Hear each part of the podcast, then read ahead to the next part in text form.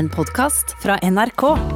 Mailis Engstrøm Hoel driver Loftet gardsbutikk på Eidsvoll, som er kåra til en av landets fineste gårdsbutikker, og i fjor så ble hun tildelt Bygdekvinneprisen. Og tidligere så var 55-åringen aktiv sprangrytter og drev en behandlingsstall for hester, men etter et hestespark i hodet så ble hun skada for livet, og karriereveien måtte endres. Drivkraft med Ruben Gran i NRK P2. Mailis Ekstrøm Hoel, hjertelig velkommen. Tusen takk. Hvordan har du det? Jeg har det kjempefint. Ja? Har du, har du, har du sovet godt natt? Ja, nå er vi jo litt midt i lamminga, vi da på gården. Dere er midt i lamminga? Ja, ja, ja. Så i går kom det to trillingpar. Og eh, i natt måtte jeg opp tre ganger og sjekke at, dem, eh, at ikke de andre får noe lam, da, vet du. Ja, hva, hva, hva er det du gjør da, når du står opp midt på natta? Nei, nå er vi jo så heldige at vi lever i 2021, at eh, da er det kamera rundt på gården. Så jeg sjekker at eh, de andre For det første at lamma får mat av mødrene sine, og de som ikke har lamma, at de ikke har lamma mens jeg ikke har vært der. For hvis det står ei søye, for de står jo sammen i flokk, og hvis det er ei søye da som lammer, så kan det fort være at en av de andre søyene har så lyst på den lammungen at det adopterer den, og da vil ikke ja. mora ha den tilbake igjen. Og da får vi plutselig veldig mange kopp koppelam. Aha, Kopp, Koppelam, hva innebærer det? Å, jeg kommer til å spørre mye i dag. da må den flaskes opp, og det skal skje annenhver time døgnet rundt da, første ukene. Da blir det en helt annen jobb. Ja, fordi ad- adoptivmora har ikke noe melk til lammet. Nei, for hun har jo ikke lamma ennå. Så når hun, hun, hun får sine lam, da vil jo ikke hun ha den lille adoptivtassen. Så da sitter vi med henda fulle. Ja, for jeg må jo innrømme når det kommer til lamming, kanskje det er kalving jeg tenker på nå, så, så ser jeg jo for meg at man må opp midt på natta og hjelpe til å dra, dra ut disse knøtta. Men dette slipper du. Nei, det kan tenkes vi må det innimellom. Hvis de ligger feil og vi skjønner at dette her går gærent, for vanligvis så er dette her, det går jo av seg sjøl. Og som, som i år så har vi bare søyer som har lamma før. Så de er rutinerte, og de, er, de tar seg god, god tid òg. Mm. har ikke noe stress, kan du si, da. Nei. Men altså, hvor, hvor stor del av året må du opp på natta for å ta deg av ting på gården din? Nei, totalt sett så er det jo Det kommer an på hva du tenker på, om det er dyra eller om det er den andre drifta, da. Eh, som bonde så sover man jo alltid med et øye åpent. Det gjør man jo. Eh, lamminga og vår er jo liksom den tida som er travlest for meg som har ansvaret for saua, men vi har jo høsten som det er kalving. Da er vi alle sammen også med med å være oppe om natta. da. Men er det verdt det? Om det er verdt det? Ja. Absolutt. Det er stas? Absolutt. Ja. Nei, ellers så hadde jo ikke folket tatt mat på bordet. Nei. Så hadde ingen giddet å drive med dette her. Men for en, eh, for en bygutt som meg sjøl, og sikkert mange andre, så lamming og Det virker veldig romantisk. Altså sånn liv kommer Ja, det er, jo, det er jo våren, og alt spirer og gror, og lammene kommer, og egentlig mange andre kan du si, dyr, produksjonsdyr, produserer også på våren. da. Vi har jo valgt å endevende litt på kalvinga, fordi at det har vært den som, tida på året som er minst travel for oss på høsten i forhold til kalvinga. da. Eh, Etter, etter skuronna, vel å merke. Så vi prøver å legge opp gårdsdrifta til at vi har jevnt, eh, jevnt drift av gården hele året. Hvilken, hvilken årstid er favoritten din på en, på en gård? Og det er den tida her. Det er det. Ja, lange, lyse dager og nettene som starter altså før alle andre. Mm. Nei, ser- Dagene starter jo før alle andre. mm, jeg ser det på deg, at du mener det. Ja. Men, men, men hvordan, altså Fins det en typisk morgen når man driver en gård og en kafé? Det kommer an på hvordan du ser det. Du kan stå opp om eh, mandagen og ha en skikkelig blåmandag, men du kan også stå opp om mandagen og ha en ordentlig fin dag hvis du går inn for det. Det kommer an på hvordan du ser ting. Og jeg elsker jo å se sola står opp. Det er det beste jeg vet. Så jeg kan stå opp klokka halv fire om morgenen og bare stå og se på sola. Våkne den òg. Du er kanskje ikke en av dem som trenger åtte timer hver natt, eller? Nei. Nei, jeg trenger ikke det. Ah, du ikke det? Nei. Men det er klart, sånn som man blir jo eldre, og når det går kanskje en tre-fire døgn og jeg ikke har sovet, da kjenner jeg det også. Men har, har det blitt eh, Har morgenene forandra seg nå eh, det siste året, under pandemi? Hvordan påvirker det en gård? Gården i seg sjøl har ikke noe kan du si, resultat av det. Eh, annet enn at vi kanskje kan ha fått litt problemer med å få tak i eh, tingene våre, eller råvarene og produksjonstingene. da. Alt tar litt lengre tid. For kafeen sin del så har det jo nesten vært litt på delvis katastrofalt, det siste stenginga. Eh, Men vi, vi blåser jo under vann gjennom et sugerør og prøver å puste. Men for gården sin del så har det ikke betydd så mye. Men hvordan, hvilke grep har dere tatt? Eh, fordi, ja, nå Kanskje det kommer litt utydelig frem, men du driver jo altså en, en gårdsbutikk og kafé. Mm. Hvordan, har, eh, hvordan har det forandret seg? Hvilke grep har dere gjort? Altså, I fjor så måtte vi stenge seks uker. Eh, og da var jo jeg aleine. Jeg måtte jo permittere alle ansatte. Og var jo aleine og vaska ned og gjorde om all, hele butikken. og da visste vi overhodet ikke når vi kunne åpne igjen. Det er litt sånn som nå. Vi har vært stengt i seks uker nå også. Men nå har vi snudd litt på flisa, så har vi uh, satsa på takeaway. Ja. Så vi har lagd litt sånn klikk og hent uten å ha nettbutikk. Det har jo vært en utfordring med å ha tid til å ta bilder av alt. Og besvare alle henvendelser som kommer fra alle sosiale medier. Så vi har nå strypa det inn til to, to uh, kommunikasjonskanaler. Og det er telefon og mail, én mailadresse. For det å kunne svare på åtte mediestasjoner, det er ganske vanskelig. Så folk fra, og det, da blir det hele døgnet. Ja. Mm. Fordi, men fordi dette her er en gårdsbutikk og gårdskafé som ligger Altså den ligger ikke sentralt på Eidsvoll? Nei, det kan du si. Det men, men kommer folk og henter mat? Ja, definitivt. Absolutt. Ja, så fikk vi jo Vi har jo profesjonell kokk på kjøkkenet. Han er jo råflink. Så han kaller jeg bare Kinderegget. Han er jo tryllekunstner. Mm. Eh, og han lager jo alt fra bånda. Vi bruker eh, helst lokale råvarer, men det, det er også tidsbegrensa hvor mye vi har, og når vi har det. For vi kan jo ikke fylle opp alle frysere og alle lager med bare eget kjøtt. Så vi kjøper fra nabogårda, vi kjøper fra rundt omkring. Eh, men det er klart at når vi da sto med fryseren fulle igjen og tenkte søren, hva gjør vi nå? Så sa vi ta takeaway. Vi lager forskjellige menyer, og vi, jeg kjører ut klikk og hent, kjø, kom og hent. Og vi var veldig veldig til, tilgjengelige hele tiden da. Så det har fungert veldig bra. Så var det noen som plukka opp mat fra oss, som likte den veldig godt. Og det viste seg å være noen fra Romerikes Blad, som, hvor vi fikk fem stjerner, da. Ja. Og da kom det jo litt derfra også. Hendig. ja. ja. Eh, du har drevet kafeen i er det elleve år? Nei, eh, altså gårdsbutikken jeg drev elleve år. Ja. Så kafeen jeg drev i fem og et halvt år. Men hvordan er det å bygge opp en sånn butikk fra grunnen av? Nei, det er jo som å stå med to tomme hender, da. Jeg hadde et lokale som jeg også bygde fra bånn av. Jeg tegna jo stallen og, og um, planla den. Og starta først stallen med å lage en kundegruppe av noe av det jeg hadde først. Og så etablerte liksom en delvis ny bedrift med det. Og når da stallen blei lagt ned, så sto jeg med et fantastisk fint bygg som jeg egentlig tenkte hva søren skal jeg gjøre med det nå? Og visste jo ikke helt hva som var veien framover heller med meg, da. Men så tenkte jeg jeg gir meg jo ikke, så jeg må jo bare få til noe. Så hadde jeg jo gårdsbutikken oppe, sånn smått, og den utvida jo etter hvert som det kom flere folk. Og alle spurte etter noe å spise på. Steder jeg kunne anbefale å spise, og sendte dem jo overalt. Så tenkte jeg det er jo dumt. Og så var det litt det derre myten med landbruket og den norske forbrukeren, hvor vi da fjerner oss mer og mer ifra hvor maten egentlig kommer fra. Vi går i kjøledisken og henter oss alt vi ser som en selvfølge så hadde jeg fryktelig lyst til å dra folket inn på gården for å vise at nå må jeg ut og ta imot lam, nå løper gubben for livet, for nå er det en ku som er løs, eller sånn er dagliglivet vårt da, eh, på gården. Så gikk det to år til, og jeg tegna og kasta tegninger, og jeg tenkte og tenkte og tenkte, og så til slutt så gikk jeg all in. Hvordan, hvordan ser det ut her? Kan du beskrive butikken og kafeen for oss? Ja, Vi har jo Stallen ligger jo uh, i enden av gårdstunet. Eh, jeg bygde jo ut begge stallene så at der er det glassdører på vei inn. da. Så det er jo rullestolvennlig alt. Ligger i første etasje. Så har jeg da, der var det, jeg har jo en stor stall og satt opp boksinnredninger, og de ble jo revet. Så har jeg satt opp kassaområdet på høyre side med kjøledisk. Så det første du ser, er jo egentlig kjøledisken vår som er fylt med kaker og, og smørbrød og gode saker. Så har vi et sånt litt landlig landhandleripreg på det. Jeg ville at eh, når du kommer inn der, så skal du settes tilbake igjen i en tid som er hyggelig. Eh, eldre mennesker som husker den trehjulssykkelen som ble lagd på sykkelfabrikken i Lillestrøm, barnevogna som står i hjørnet, gamle vinduer.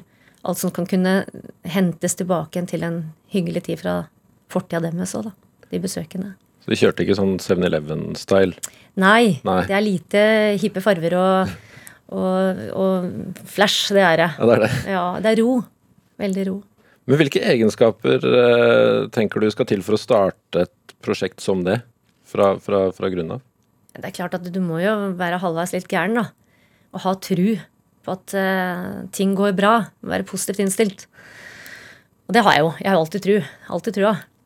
Uh, og så er det det pågangsmotet, da, hvor du må tenke gjennom hva er, du, hva er planen. Du kan ikke bare hodestups hive deg ut i det. Du må jo planlegge alt i minste detalj. Og selvfølgelig, når du starter med mat og servering, da er det mange instanser uh, involvert.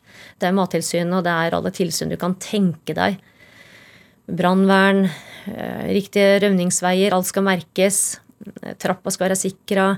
Alle sånne ting det skal merkes hvis det er en snublekant. Handikapvennlig toalett ja, det er utrolig mye som skal på sjekklista for i hele tatt kunne starte. Er du god til å ha mange baller i lufta samtidig? Ja, det har jeg alltid vært. Ja. Jeg liker å ha mange baller i lufta. Det gjør jeg. Ja, hva skjer hvis du ikke har noe å gjøre? Hvordan har du det da? Ja, Da finner jeg på noe å gjøre. da finner Du noe. Du, du, du, kjeder aldri, du? Nei, det er ikke mulig, for jeg har alltid noe å gjøre. Altså. Jeg kan trykke skinn, jeg kan sy skinn, jeg kan tegne, male, jeg kan spille med bandet, jeg kan gjøre hva som helst. Mm. Hvordan har eh, lokalmiljøet tatt imot butikken og, og kafeen? Veldig bra. Det har vært en utrolig godt samarbeid med kommuner og de kommunale instansene, og selvfølgelig også lokalbefolkninga. De har støtta opp, og de har besøkt, og de har omtalt. Og ja, det har vært helt fenomenalt hvordan de også trives i det området vi tilbyr, da. Hva er det du tenker, eller håper at kundene sitter igjen med når de, når de drar fra gården din? Jeg håper de eh, drar derfra gode og mette, og med en god matopplevelse. Og med en ro inni seg som, som du kjenner på når du kommer inn i lokalet. Du hører Drivkraft i NRK P2. Det gjør du, og her i Drivkraft så har jeg besøk av Mailis Ekstrøm Hoel, som altså driver en prisbelønt gårdsbutikk eh, på, på Eidsvoll. Og i fjor så ble du tildelt eh, Bygdekvinneprisen. Eh, bygdekvinneprisen Kjerringa mot strømmen. Hva, hva betydde det for deg å, å vinne den? Ja, Det var jo helt vilt. Det, jeg skjønte ikke helt hva hun sa i telefonen. At, uh, først så sa at jeg var nominert til årets bygdekvinnepris. Så tenkte jeg guri malla, så heldig jeg er nominert. Hvor mange er det med, liksom? Nei, du har vunnet. da, da, måtte jeg nesten bite meg litt i handa. Jeg skjønte det var Det er helt vilt. Det er jo en landsomfattende pris. Ja, hva, hva, hva er den prisen? Det er jo Bygdekvinnelaget som gjør en fremragende jobb i alle bygdene de har etableringer. Altså det er jo nesten ikke en bygd som ikke har et bygdekvinnelag. Og de inkluderer eh, alle mennesker som kommer til bygda, og de som kan du si, faller litt utenfor, de som ikke kanskje er du ser hver eneste dag. De engasjerer, og de eh, lager tiltak. De drar folk inn i gamle tradisjoner. Ja, det er helt enorm drivkraft i de damene der, altså så var det de, de, hadde jo etablert en pris. Det så jeg faktisk i fjor. Jeg var ikke, var ikke, i nærheten av å tenke på at jeg kunne være i den kategorien. For det er jo liksom usedvanlig mye gode jenter i dette landbruket og i Norge generelt. da. Men prisen har jo undertittelen, eller prisen heter 'Kjerringa mot strømmen'. Kjenner du deg igjen i det? ja, det er klart. Når du starter en kaffe langt ned på et jord i Eidsvoll, som det nesten ikke er vei, og det gikk jo noen år før vi fikk skilter oppå, da, men uh, ja, det er klart Det er ikke, det er ikke hverdagskost det at mange starter det. Nei. Men bygdekvinne, altså føler du deg som en bygdekvinne? Ja, absolutt. Nå har ikke jeg vært medlem av det bygdekvinnelaget før det seneste tida, fordi at uh, jeg har hatt så himla mye å gjøre. Og jeg, jeg, er litt sånn redd for å bli dratt inn i enda mer engasjement, for at jeg skjønner nå at det er nok. Når du har liksom en sju-åtte ansatte og og en kafé som skal driftes, og du jobber 24-7, så tenker jeg liksom, da skal jeg i hvert fall ikke drive noe mer enn dugnader rundt omkring. Jeg, men jeg blir jo med på alt som jeg kan, eh, og være, med, være til hjelp. Eh, og bygdekvinnelagene de er jo veldig sånn inkluderende, og det alle, Jeg kjenner jo dem og eh, ser dem stiller opp på åpen gård. På alt som du kan liksom rive med andre mennesker i. Det er jo ufattelig energi i, de, i folka. Eh, men som bygdekvinne er jeg jo. Jeg er jo utrolig glad i bygda mi. Og jeg er veldig stolt og glad i det norske landbruket, og spesielt i bygda mi. Så det er klart jeg føler meg som en bygdekvinne. Men hva, hva er bygda for deg? Det er jo hjemme. Det er der vi har maten vår. Det er der vi kan skape nye lokale arbeidsplasser. Det er der vi kan ta vare på det vi har, og de arbeidsplassene vi har. Så, og mange fugler flyr, jo- flyr jo ut av redet i mange bygder. Men veldig mange kommer tilbake igjen også, og det har jo sin grunn. Ja, for det, det er jo en utfordring i, i landet vårt at eh, det ikke er, mange steder i hvert fall, mange nok folk på, på bygda og småstedene. Mm. Så absolutt. Og det er klart at vi har jo et veldig langstrakt, langt og flott land. Men det er jo ikke tilgjengeligheten. Og ettersom vi blir bygd ned, kan du si, da, med arbeidsplasser og kanskje industri, så er det jo ikke så Da må jo folk ut for utdannelser og for å finne seg arbeid, og da er det lett. Så som jeg har jobba i Oslo sjøl, og, og har jo Alt er jo tilgjengelig. Du kan jo gå på kafé på hjørne til hjørne, og det er jo veldig lettvint, og jeg savner det fortsatt. Men hva er, hvilke fordeler er det å bo på bygda, på en gård, sammenligna med å bo la oss si, i en leilighet i byen? da? Det er jo to helt forskjellige ting. Du kan jo trives veldig godt i en leilighet i Oslo også. Men det er det når du kommer fra ei bygd, du er vant til å ha armslag rundt deg, du er vant til å gå ut på plen og, og kunne stupe kråke, for å si det sånn, da, eh, uten at noen ser på deg eller ser rart på deg. Man trenger ikke vite alt om alle. Du får være litt i fred, du får ha din identitet og din anonymitet hvis du ønsker det. Det kan du også i Oslo, men det blir litt på en annen måte. Du har ikke den bevegelsesfriheten. Jeg, kan, jeg snur meg to ganger rundt, og så har jeg liksom det turområdet rundt, rundt meg. Eh, Du har jo faktisk jobba med å få byfolk eh, til å drive litt eh, gårdsgreier. Fordi du jobba med reality-serien Farmen. Ja, det gjorde jeg. Ja, og da, da skulle du jo strengt tatt ta de deltakerne 100 år tilbake i, på, i norsk eh, i, i- Om ikke jordbruk, så i hvert fall bygdekultur. Hva, hva, hva, var jobben din? Jeg lagde ukesoppdragene i Farmen 2015 og i Farmen kjendis da, som gikk januar 2019. Det går ut på at du må ha en genuin interesse for det første for gamle ting og gamle byggteknikker, gamle matlagingsteknikker. da. Alt som foregikk før. Eh, Og det å drive gård og, eh, med dyr og stell og hva det dreier seg om, da, så er det å lage oppdrag for de deltakerne som er overkommelige, men som de også skal jobbe litt for for å klare. Hva, hva, hva slags oppdrag lagde du? Nei, Den ene var jo at de, de bygde en, eh, en låve, eller en sånn eh, høylåve, i tappteknikk. Det kan være å eh, kjerne smør, det kan være klippe sau, det kan være mange forskjellige slakte gris og dele det opp og salte. Eh, farge garn.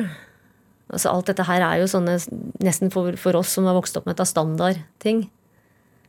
Men klarte de seg greit, da? Ja, de klarte seg veldig bra. Ja. Det må ha vært moro å se på, da. Ja, det var veldig moro. Og så var det moro. Det, var, det er veldig stress og veldig sånn press i den bransjen der også. Eh, og der skal du levere på veldig kort tid. Sette deg inn i noe annet mens du har henda fulle med den første delen.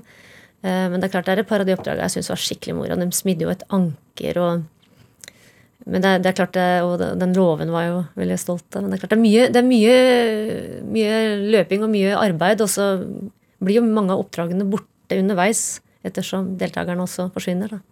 Se, ser du på Farmen sånn, når du ikke lager oppdrag? Nei, jeg aldri, ikke har ikke sett på Farmen. Jeg har ikke sett det jeg lager sjøl heller. Ja, du har ikke det, nei? Nei, for jeg har ikke hatt tid. Men tror du ja, Eller har du ikke sett det, men jeg tenker om Farmen tjener Tror du Farmen tjener norsk, eh, norsk bygdekultur?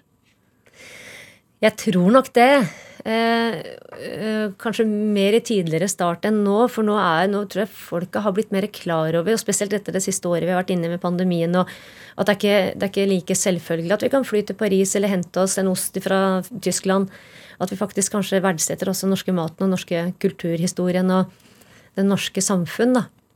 Det, jeg det er det jeg drar fram som det mest positive med den pandemien. At vi kanskje har lært oss for det første å vaske oss på hendene, for det andre eh, å sette veldig pris på det vi har sjøl. Ja, det er vel en sånn gjennomgangstone blant veldig mange som sitter på, på hybelen sin at eh, nei, nå skal jeg begynne å tenke på den der bygdefantasien jeg har hatt. Alle har jo jeg tror, Det, det bor ei bondespire inni alle, tror jeg. Men du skal være ganske klønete for ikke eh, klare deg sjøl på landet. Men eh, det, det kommer an på hva slags nivå du vil legge deg på sjøl, da. Så inni oss alle tror jeg det bor ei bondespire, men vi fjerner det så lenger og lenger fra landet nå ved å sentralisere de store områdene. Det blir jo mer en bygd ut. Og vi har jo enorme, flotte områder i Norge som kan du kan få være i fred. Mm. Så du vil oppfordre de som eh, vurderer å ta og, og, og, og, og snu og flytte til bygda, og gjøre det? Ja, absolutt. Ja. Det utvikler deg som menneske. Drivkraft i NRK P2. Sorry der, eh, May-Lise Ekstrøm Hoel. Eh, Man utvikler seg som menneske hvis man flytter til bygda. Var det ja, du sa? Ja, det syns jeg. Ja. Eh, Du driver gårdsbutikk og kafé på Eidsvoll, men det var jo hester som gjennom mange, mange år var, har jeg inntrykk av, sjølve livet for deg? Ja, jeg er jo født hestegæren. Ingen som skjønte hvor det kom fra, men det var jeg. Ja, ja for jeg skulle spørre, når, når, når fant du ut at det var hest som var, var noe for deg? Nei, det var de, de tidligste bilder du kan se av meg. Det er ved siden av en hest eller oppi en hestevogn. Eller, og jeg, jeg løp som en hest, og jeg tenkte som en hest. Det var jeg helt sikker på. Jeg var hest. så, så ettersom åra gikk, så visste jeg jo at det, det var jo hest jeg skulle ha. Ja, heldigvis så så skjønte du at du ikke kunne bli hest. Eh, Men når var det du bestemte deg for at du ville jobbe, jobbe med hest? Gjøre det til en karriere? Det bestemte jeg meg for egentlig ganske tidlig. Eh, Men da fikk jeg bare møte en hard motstand av bestemor som sa at du, hest det kan du ikke leve av. Det kan du bare droppe. Få deg en ordentlig utdannelse. Blir folk av deg òg. Så da måtte jeg gjennom noen andre karrierevalg før jeg kunne satse på hest. da. Men jeg hadde jo hest. Jeg fikk jo min første hest da jeg var 13 år. Så den kjøpte jeg jo sjøl og tok vare på. Og det var, det, det var et føll som egentlig skulle lide en litt annen skjebne? Ja, det var et føll som ingen ville ha, så den skulle slaktes. Så fikk jeg vite det via ei venninne av meg. Så da Da blei det jo handling ganske fort. Så den eh, var ikke mer enn seks måneder når hun kom til meg. Så den solgte jeg videre når jeg var fem år. Jeg reia inn og reia til og fikk hjelp til veldig mye. Det var en litt spesiell hest med litt spesiell fortid, og det, det kjente jeg meg veldig igjen i. Så eh, vi vokste opp sammen, og så var det ei jente som lånte den hesten og skulle starte en unghestklasse med den. Og der var det en sånn, kall det talentspeider for hest, som jobba i Ponyavlsforeninga i Norge, som så denne hesten og kom bort til meg og sa at du, denne hesten her, den har et veldig stort talent. så den og den, eh, den blei jo ponni, så jeg blei for gammel for å ri den, for da var det 18-årsgrense. Du kunne ikke ri ponni i ponniklasse hvis du var over 18 år. Så da måtte jeg gå det tunge valget. da, at da Skal jeg selge videre og så la henne bli en god hest, eller skal jeg beholde sjøl og bla bli en middelsmålig dårlig hest? Så det kan man risikere også, at gode, gode konkurransehester allikevel blir slakta som, som føll? Ja. Altså det, det med hester, da, det er jo I enhver hest så bor det et talent. Det blir født et talent i hver hest som blir født. Men så er det det å se det talentet og få det utvikla. Det er jo ikke alle som klarer å løpe fortest med en gang. Det er ikke alle som klarer å hoppe høyest med en gang. Og det kan hende de trenger litt tilrettelegging, de også, for å kunne bli det talentet de egentlig er tiltenkt. Så det er klart det er mange hester som lider mange uvisse skjebner. Det er det. Men skjønte du det da du kjøpte den som 13-åring, at det her er en hest jeg kan utvikle til å bli, bli noe stort? Altså, jeg skjønte det vel ikke, men jeg hadde jo hele tida som et mål, da. Man setter seg mål, og jeg, jeg ønska å gjøre det beste ut av den hesten, for det var den hesten jeg hadde. Jeg hadde ikke råd til å kjøpe meg en hest til mange, mange tusen. Og bli en ferdig konkurranserytter. Jeg måtte gå den lange, harde veien. Så da var det bare å begynne å gå turer da, de første to og et halvt åra. Med og uten utstyr på hesten, og vende til trafikk og vende til alt som skulle vendes til. Så når dagen kom, så var det bare å sette seg opp og jobbe videre. Men du sa at eh, det var noe du kjente deg igjen i med den hesten. Uh, uh, at, den, uh, ja, at den ikke hadde det så bra. Og du, du var rett og slett blitt foreldreløs som 13-åring. Det, det ble jeg. Jeg har hatt en, si sånn, hatt en litt tøff start, en tøff oppvekst. Det har jeg hatt. Det veit jo de fleste rundt meg. Så mm, det var uh, Mista faren min da jeg var seks år. Moren min var alkoholiker. Så da ble vi aleine med problemet, for å si det sånn. Mm. så døde moren min da jeg var 13 eh, av kreft. Og da blei vi overlatt til et eh, fosterhjem, eh, eller egentlig hvert vårt, i samme hus, jeg og søsteren min. Vi har også en eldre bror som flytta ut eh, lenge før oss, da, så han bodde hos besteforeldra. Og hadde flytta ut for lengst. Og etablert en egen familie når, når dette skjedde. da. Så vi havna i Lillestrøm. Eh, og der var det jeg fikk tak i da min hest. Så da sto jeg aleine, og da hadde jeg den hesten jeg kunne gå videre i livet med. da. Ja, var det Trengte du den hesten da, tror du? Ja, absolutt. absolutt. Jeg hadde jo Altså, jeg hadde jo spart til hest, egen hest i alle år, og jeg var veldig innstilt på at jeg skulle ha en hest, men så kunne jo ikke vi kjøpe hest, da, for mamma visste jo at jeg skulle dø. Så det var jo Det var ikke et tema. Så da kjøpte jeg meg hest med en gang jeg flytta til det nye eh, hjemmet mitt. Så kjøpte jeg meg hest og fikk etablert en stallplass med noen fantastiske mennesker som jeg fikk ha hesten hos. Og der var jeg hver dag. Men etter at du solgte den hesten, så, så har du jo også jobba med hest. Ja, ja. På, på hvilken måte? Eh, Jeg solgte jo den og måtte jo Jeg kjøpte meg en ny hest egentlig rett etterpå, en unghest også, som jeg også rei inn. Eh, Men da begynte jeg å synge i band. Og da blei det ikke så veldig mye tid til hest. Så da hadde jeg noen år hvor jeg eh, tok en pause fra hest. Og så jobba jeg i Oslo som eh, tegner og spilte i band i helgene. Og da, da var det det tida gikk til. Men savnet etter hest var jo alltid der. Så da bestemte jeg meg for at eh, jeg har kanskje lyst til å satse på, på hest igjen. Da. Og så kom jeg i hvert fall litt for meg sjøl og så få tenkt meg om hva jeg egentlig vil. Så kjøpte jeg meg småbruk på Rålt i Eidsvoll. Og begynte å ta opp igjen dette med hest. Og kjente at eh, nei, dette skal jeg gå videre med. På hvilken måte? Du, du drev sprangridning. Ja. Jeg drev eh, aktiv sprangridning, ja. Hvor, hvor god ble du? Jeg blei så god jeg kunne med de hestene jeg hadde. og jeg hadde jo noen unghester som ville følge igjen, da, som jeg rei inn og rei opp og fikk opp i høye klasser. Så jeg rei vel noen 1,40-klasser og hadde en 1,50 derbyklasse. Så jeg eh, det var, det var ikke like lett å kombinere dette, skal jeg si. da, Når du reiste på spillejobb på fredagskveld, og så kom jeg en seks-sju til om morgenen, og så pakka jeg hesten inn på hengeren, og så dro jeg på stevne, og så kom jeg hjem igjen i 560, og så var det å stelle hestene og sette dem til fòring og på stallen og ut igjen på spillejobb. Så spilte jeg sammen med en som var så dønn allergisk mot hest. Så jeg måtte kjemisk rense hele bilen før jeg fikk lempa utstyret inn i bilen og dra på spillejobb. Så det, det begrensa jo, kan du si Jeg fikk jo ikke vært så mye rundt i landet på land, store landsstemmer og sånn. for For jeg spilte jo om natta. Men du reiste til Sverige for å utdanne deg til ekiterapeut. Ekviterapeut. Ekviterapeut. Hva er det? Det er som en naprapatutdannelse på hest. Eh, Vi må kunne veldig mye på anatomi, fysiologi, cellebiolo- cellebiologi, fòring, næringsstoffer, også opptak. Vi må kunne treningslære.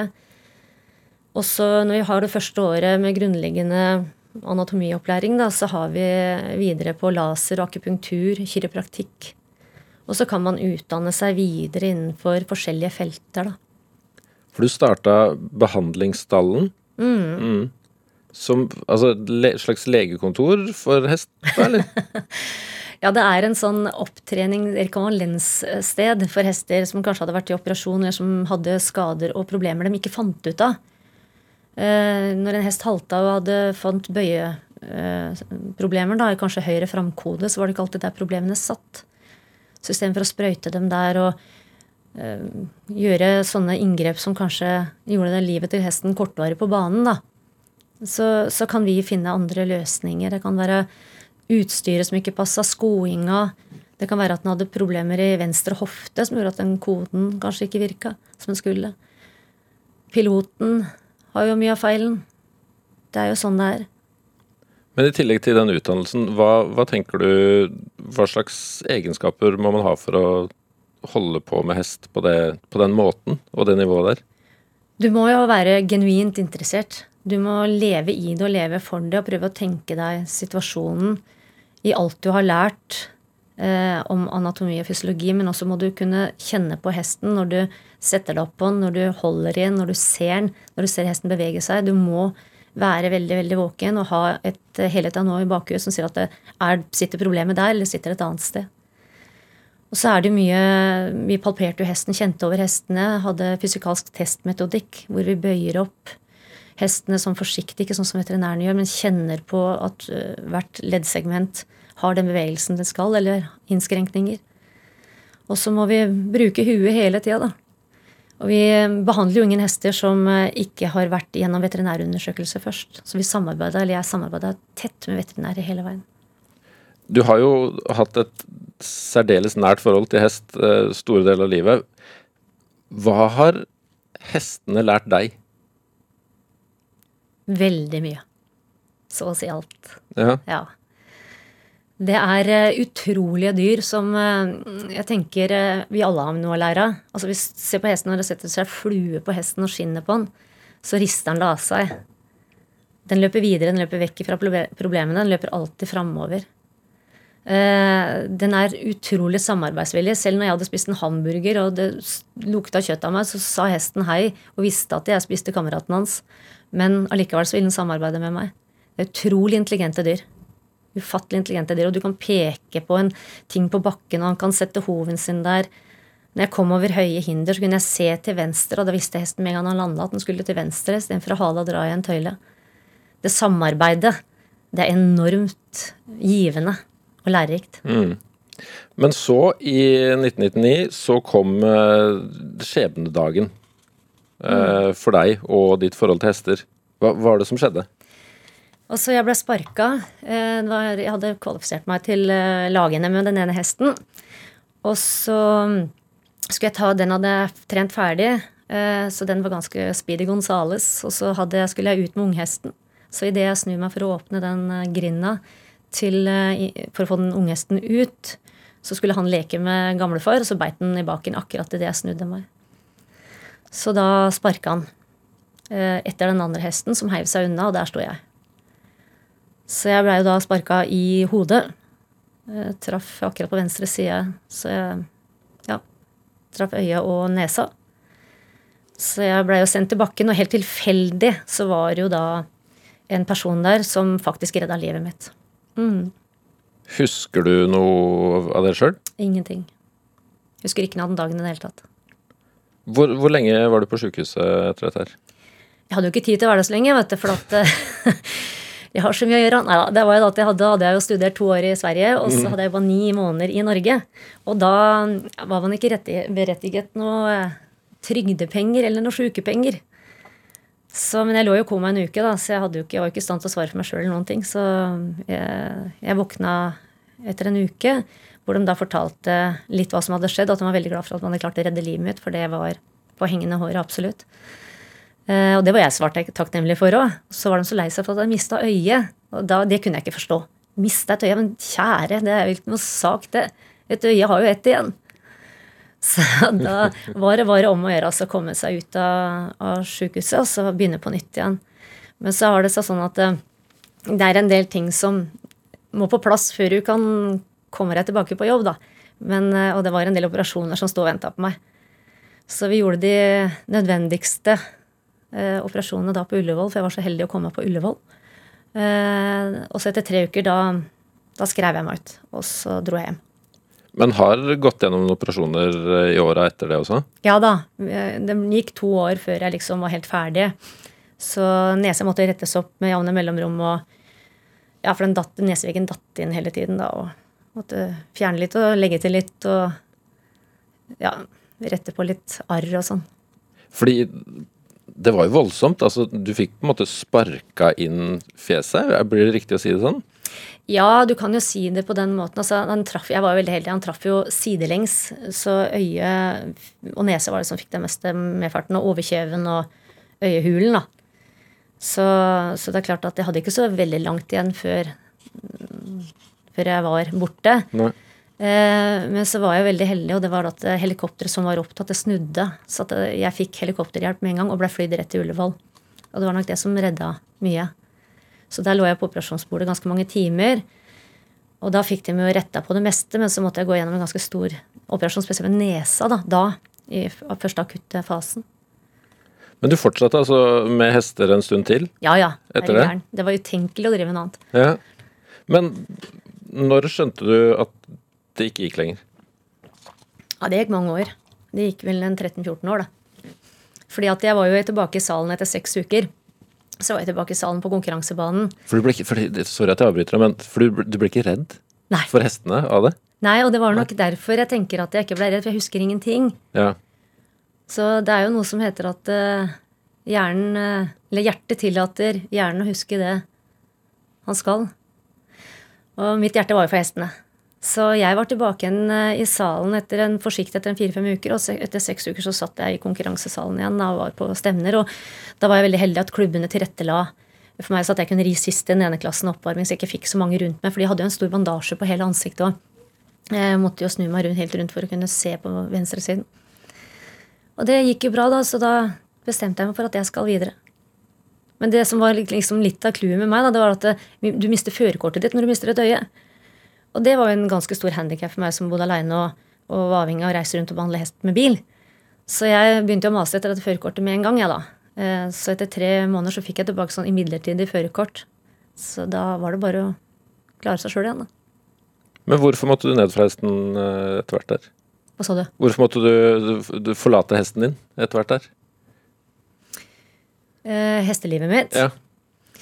Eh, det blei jo senskader, kan du si. da. Eh, jeg holdt jo på i mange år, men kroppen blei dårligere og dårligere. Så vi kom ikke helt fram til hva det var. Og så går du liksom ikke til legen og så sier du at du, jeg har et sånn svimmelsanfall når du akkurat har mista førerkort og, og veit at du må være veldig forsiktig og, ja, med hva du gjør. da. Jeg er jo veldig ansvarsfull og ville ikke satt meg i noen bil under noen, som, noen, omstendigheter hvis man var dårlig på en måte som gjorde at du var påvirka kjøremessig. da. Så da drøyde jeg lenge med å dra til legen, og var der en gang så at jeg har trøbbel med beina mine. Så jeg kunne ri den ene hesten, så gikk det fint. Den andre hesten så begynte jeg å kjenne den tredje hesten. Da kom jeg meg ikke av. Så skjønte vi at det var noe gærent, så gikk det jo ganske mange år, da, men så fikk jeg til slutt Da kom jeg inn på røntgen, og da så de at det, det var et ganske stort en stor skade i nakken, nederst i nakken, som gjorde at eh, jeg mista følelsen i begge beina og en armen. Mm. Så da var det slutt? Ja, da måtte jeg gå nye veier. Da måtte jeg gå et par hundre og tenke litt, da. Men hvordan, altså, hvordan var det å innse at du ikke kunne drive med hest på den måten lenger? Ja, Det var vel det som var det tøffeste. Men så tenkte jeg, kan jeg drive med på en annen måte med hest, eller er det noe annet jeg kan finne på? Men jeg skjønte fort at det, det måtte bare ligge dødt. Eh, og da la jeg det dødt òg, altså. Det gjorde jeg. Så da, når siste hesten dro, så mm, tenkte jeg nå må jeg finne på noe nytt. Så fylte vi jo eh, stallen med sauer, da. Litt mindre håndtere. Og, og de er jo utrolig gode, dem òg. Så det ga meg veldig mye. Men hva, Hvordan fikk du ideen til å starte gårdsbutikk? Det gjorde jeg jo allerede i 2010. For da begynte jeg å få en følelse at det var noe gærent. Så jeg tenkte jeg må finne på noe annet ved siden av. Sånn just in case. Mm. Det slår meg jo at du har en sunn livsfilosofi? Er det, er det, riktig å si at du, du, er god til å finne de tinga som er positive? Ja, det er jeg. Det er, og jeg er veldig glad i, i det som driver meg videre. At jeg ikke stopper opp og tenker eller ser bakover. Det, det syns jeg er veldig viktig. Og det er jeg veldig glad for. Det, det er det jeg setter pris på meg sjøl. At jeg har den egenskapen. Selvfølgelig kunne jeg tenkt å ha en av- og på-knapp innimellom, ja òg. Men eh, jeg er veldig, veldig glad for at jeg ser nye muligheter. Mm. Men likevel så sitter jeg her og drar fram de tinga fra fortida si. For altså, du har, du har vært døden nær flere ganger? Ja da, jeg har hatt uh, mine klippekort. Jeg har det. Så jeg går vel for å være et katteskinn. Så av de ni liva jeg har fått, så har jeg vel fire tilbake igjen. Og dem, uh, dem skal jeg leve ut til det fulle. Du hadde en ganske avansert graviditet på et tidspunkt? Da var jeg gravid utenfor livmoren uten at jeg visste det. Så, men det er klart at man har ha litt vondt i magen og driver en stall full og har jobb og mann og barn fra før, så stopper du ikke opp og tenker på hvorfor jeg har vondt i magen. Så det var bare å kjøre på. Hvordan er smerteterskelen din? ja, det har blitt spurt om mange ganger. Den er relativt høy. Men så har jeg, jeg har like stor smerteterskel som jeg har arbeidsmoral. Jeg, jeg går på jobb. Det. Men har du Unnskyld. Har du, har du aldri lyst til å bare legge deg ned? Det er klart, innimellom så har jeg lyst til å legge meg ned. Jeg har det. Men uh, ikke bli liggende. Det har jeg aldri hatt lyst til. Men hender jeg har lyst til å hvile litt innimellom. Men det er klart at jeg, en, do, en, god soldat hviler når han kan. Så da får han hvile når han kan, da. Mm. Du nevnte i stad her at eh, du har brukt mye tid også på musikk opp ja. igjennom. Hadde det lå an til en artistkarriere på et tidspunkt, gjorde du ikke det? Jo da, jeg har jo hatt og vært i en artistkarriere. Det har jeg gjort, eh, og vært veldig heldig med. Jeg vant jo en talentkonkurranse allerede i 1983, helt tilfeldig med egenskrevne låter. Og har hatt masse fine mennesker jeg har jobba med musikal, musikalsk opp gjennom åra, eh, Ja, musikk har gitt meg veldig, veldig mye. Og var i England eh, til eh, stor entusiasme fra de, de som var der. Ja, det var jo helt tilfeldig. Sendte over en dårlig demo. Som jeg aldri i verden hadde sendt i dag, for å si det sånn. Eh, Men ja da, da fikk jeg brev tilbake om at de ville at jeg skulle synge låtene deres. da, Og komme over til England og, og synge sammen med dem. Så se hva dette her kunne bli. Og det var, det, det er et av de, det var et av de store plateselskapene. Det var EMI, Sony. Sony, som jo er en av de største plateselskapene i verden. Bare for å gi folk et slags perspektiv her. Men hvor, hvor ble det av den, eh, den musikkarrieren? Det som er ulempen ved å vokse opp tidlig aleine, det er at man blir veldig forsiktig med å ta valg. Ehm, og det er ehm, det som kan du si, Man kan ikke leve av hest, man kan ikke leve av musikk. Det er litt sånn teater, sånn teatervirksomhet, fikk jeg forståelse av i min familie fra gammelt av. Sånn, sånn, det kan du ikke leve av. Eh, Skaff deg et ordentlig liv, skaff deg en jobb.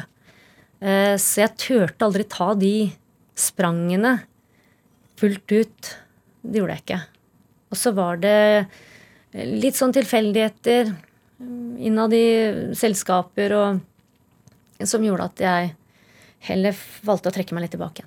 Men har, lager du musikk nå? Nei, nå skriver jeg ikke noe musikk. Nå skriver jeg eh, matoppskrifter og arbeidslister og, og er kreativ i arbeidet mitt på kafeen. Jeg rekker ikke mer. Eh, Jeg gjør ikke det. Men jeg fant fram en eske med gamle kassetter og gamle tekster jeg hadde skrevet, så det er mye mulig. Jeg eh, tar tilbake igjen det der med å jobbe med låtene mine. Mm. En, dag så kommer Miley's-boksen med gamle demoer. Neppe. Når du ser rundt deg i dag, og de flotte artistene som dukker opp som troll i eska, altså det er nei, da skal jeg bare være stille. Du har tatt med deg en, en låt med en av de artistene, eh, og jeg klarer ikke å tenke at det er helt eh, tilfeldig at du har med Sia sin låt eh, 'Alive'. Ja, det er en sterk låt. Hva, hva er det med den uh, som treffer deg? Altså, Utgangspunktet er Sia en fantastisk artist. Det er en helt rå artist for meg. Um, og den Alive, det er, jo, det er jo en sang til meg. Det jeg, jeg lever jo. Du hører Sia i Drivkraft på P2.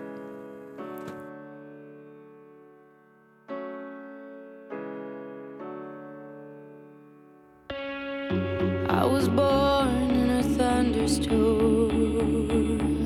I grew I played alone, I played on my own. I survived. Hey, I wanted everything I never had. Like the love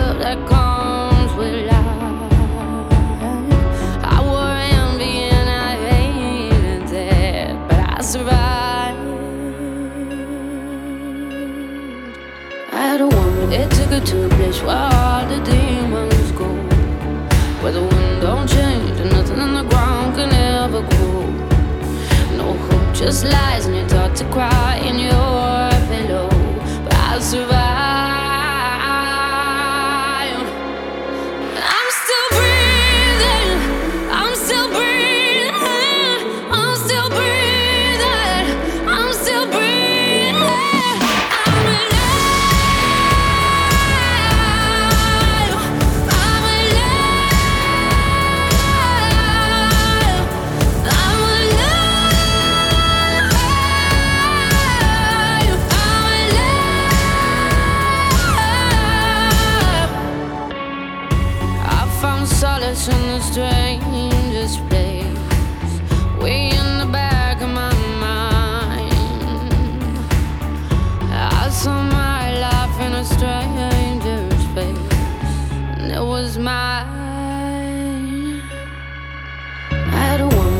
Her to a where the demons go, where the wind don't change and nothing in the ground can ever grow.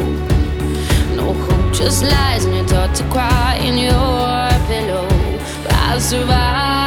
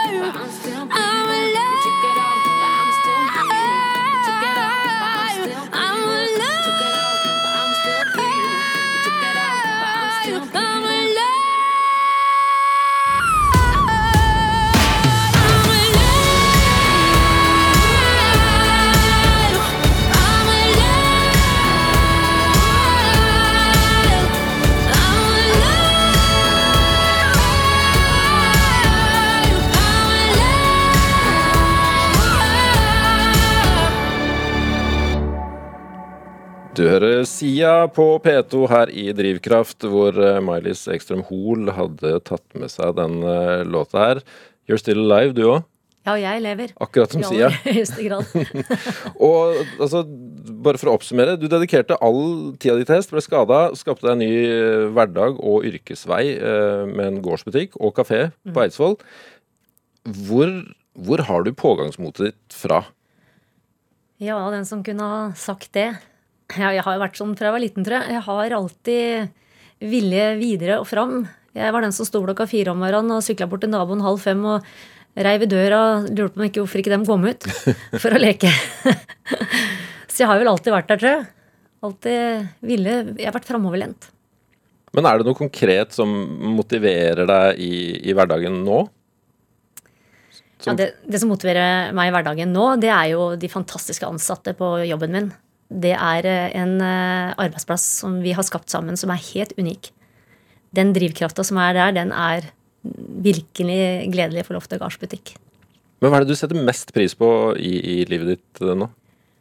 Absolutt familien min. I aller høyeste grad. Det å kunne ha en familie og få lov til å være sammen med familien, er jo en gledens dag hver dag, egentlig. Mm. Er det riktig å si at det kanskje ikke er en selvfølge? Det er overhodet ingen selvfølge. Nei. Ikke for noen.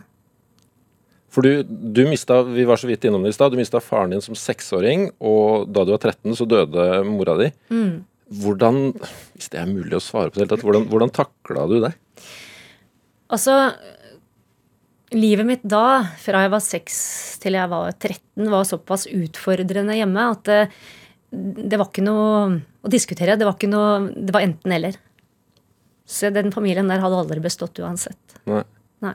Du flytta til eh, tante og onkelen din etter at uh, moren din døde. Og så hvor, hvor lenge bodde du der? Der bodde jeg eh, til 18-årsdagen min. Jeg ble myndiggjort da jeg var 15, så jeg leide meg en liten leilighet uh, i huset deres. da. Så jeg bodde for meg sjøl og klarte meg sjøl. Så på 18-årsdagen min så sto jeg med nøkla i handa og hadde egen leilighet. Hvordan føltes det? Det var veldig deilig. Ja.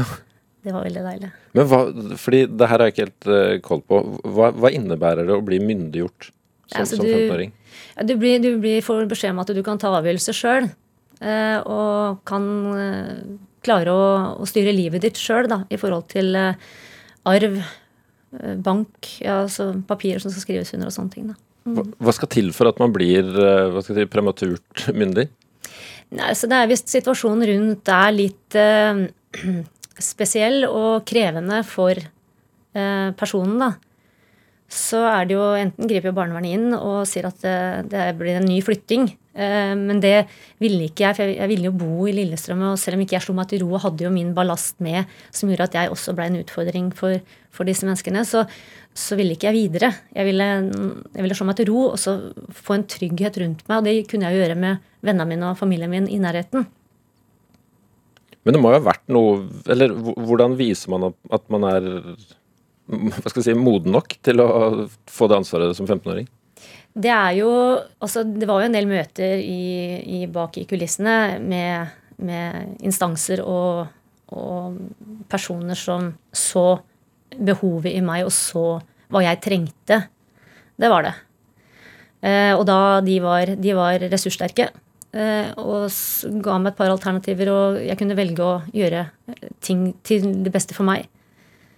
Eh, og det valgte jeg å gjøre. Hva er største utfordringen som 15-åring? Å bli myndiggjort?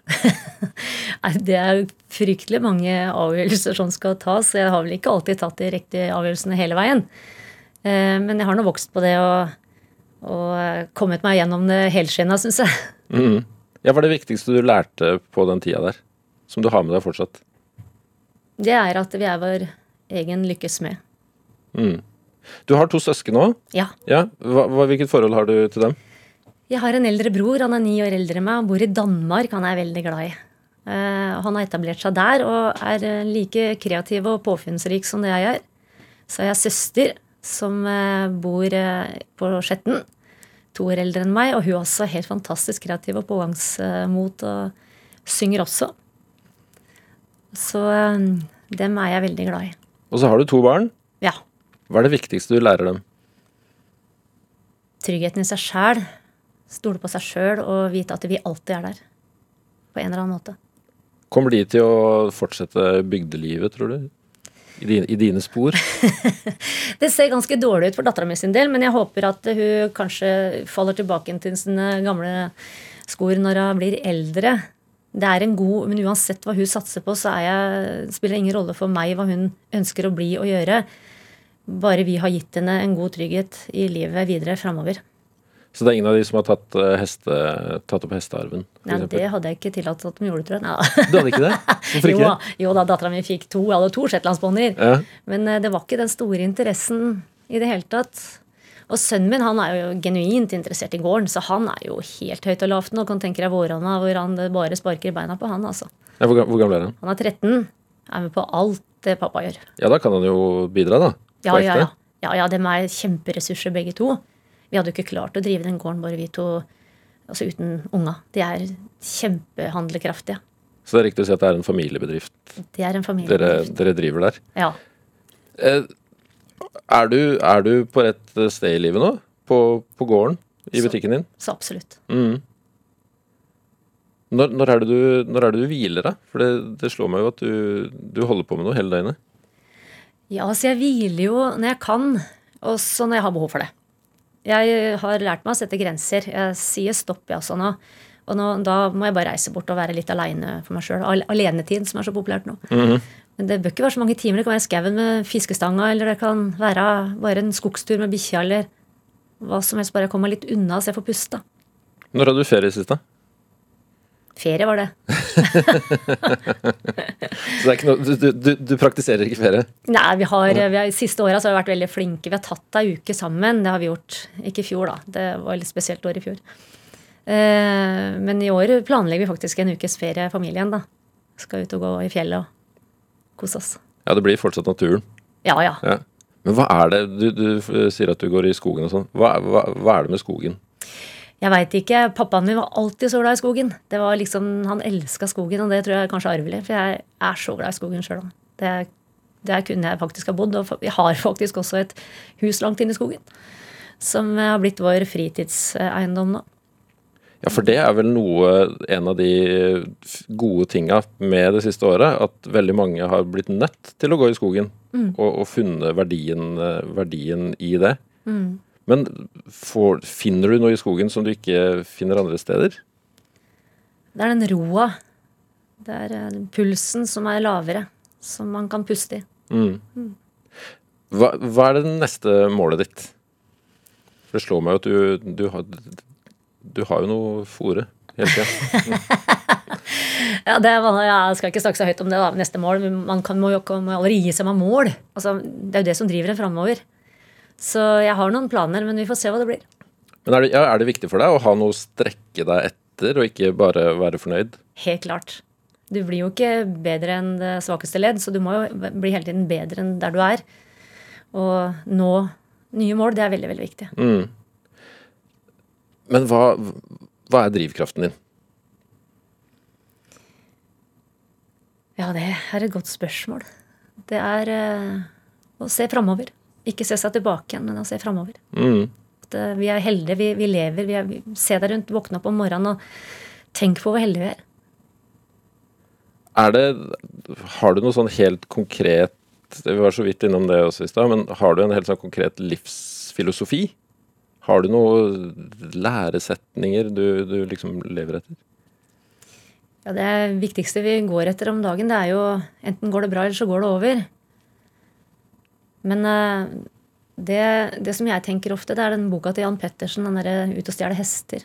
Han- der sier han jo veldig tydelig at eh, vi bestemmer sjøl når det skal gjøre vondt. Det, det vet du jo alt om, si. Ja. Ja. Og jeg har det ikke vondt. Nei. Mailis eh, Ekstrøm Hoel, tusen takk for besøket. Takk for at jeg fikk komme. Og lykke til både med kafeen og de videre hemmelige måla dine. Tusen takk.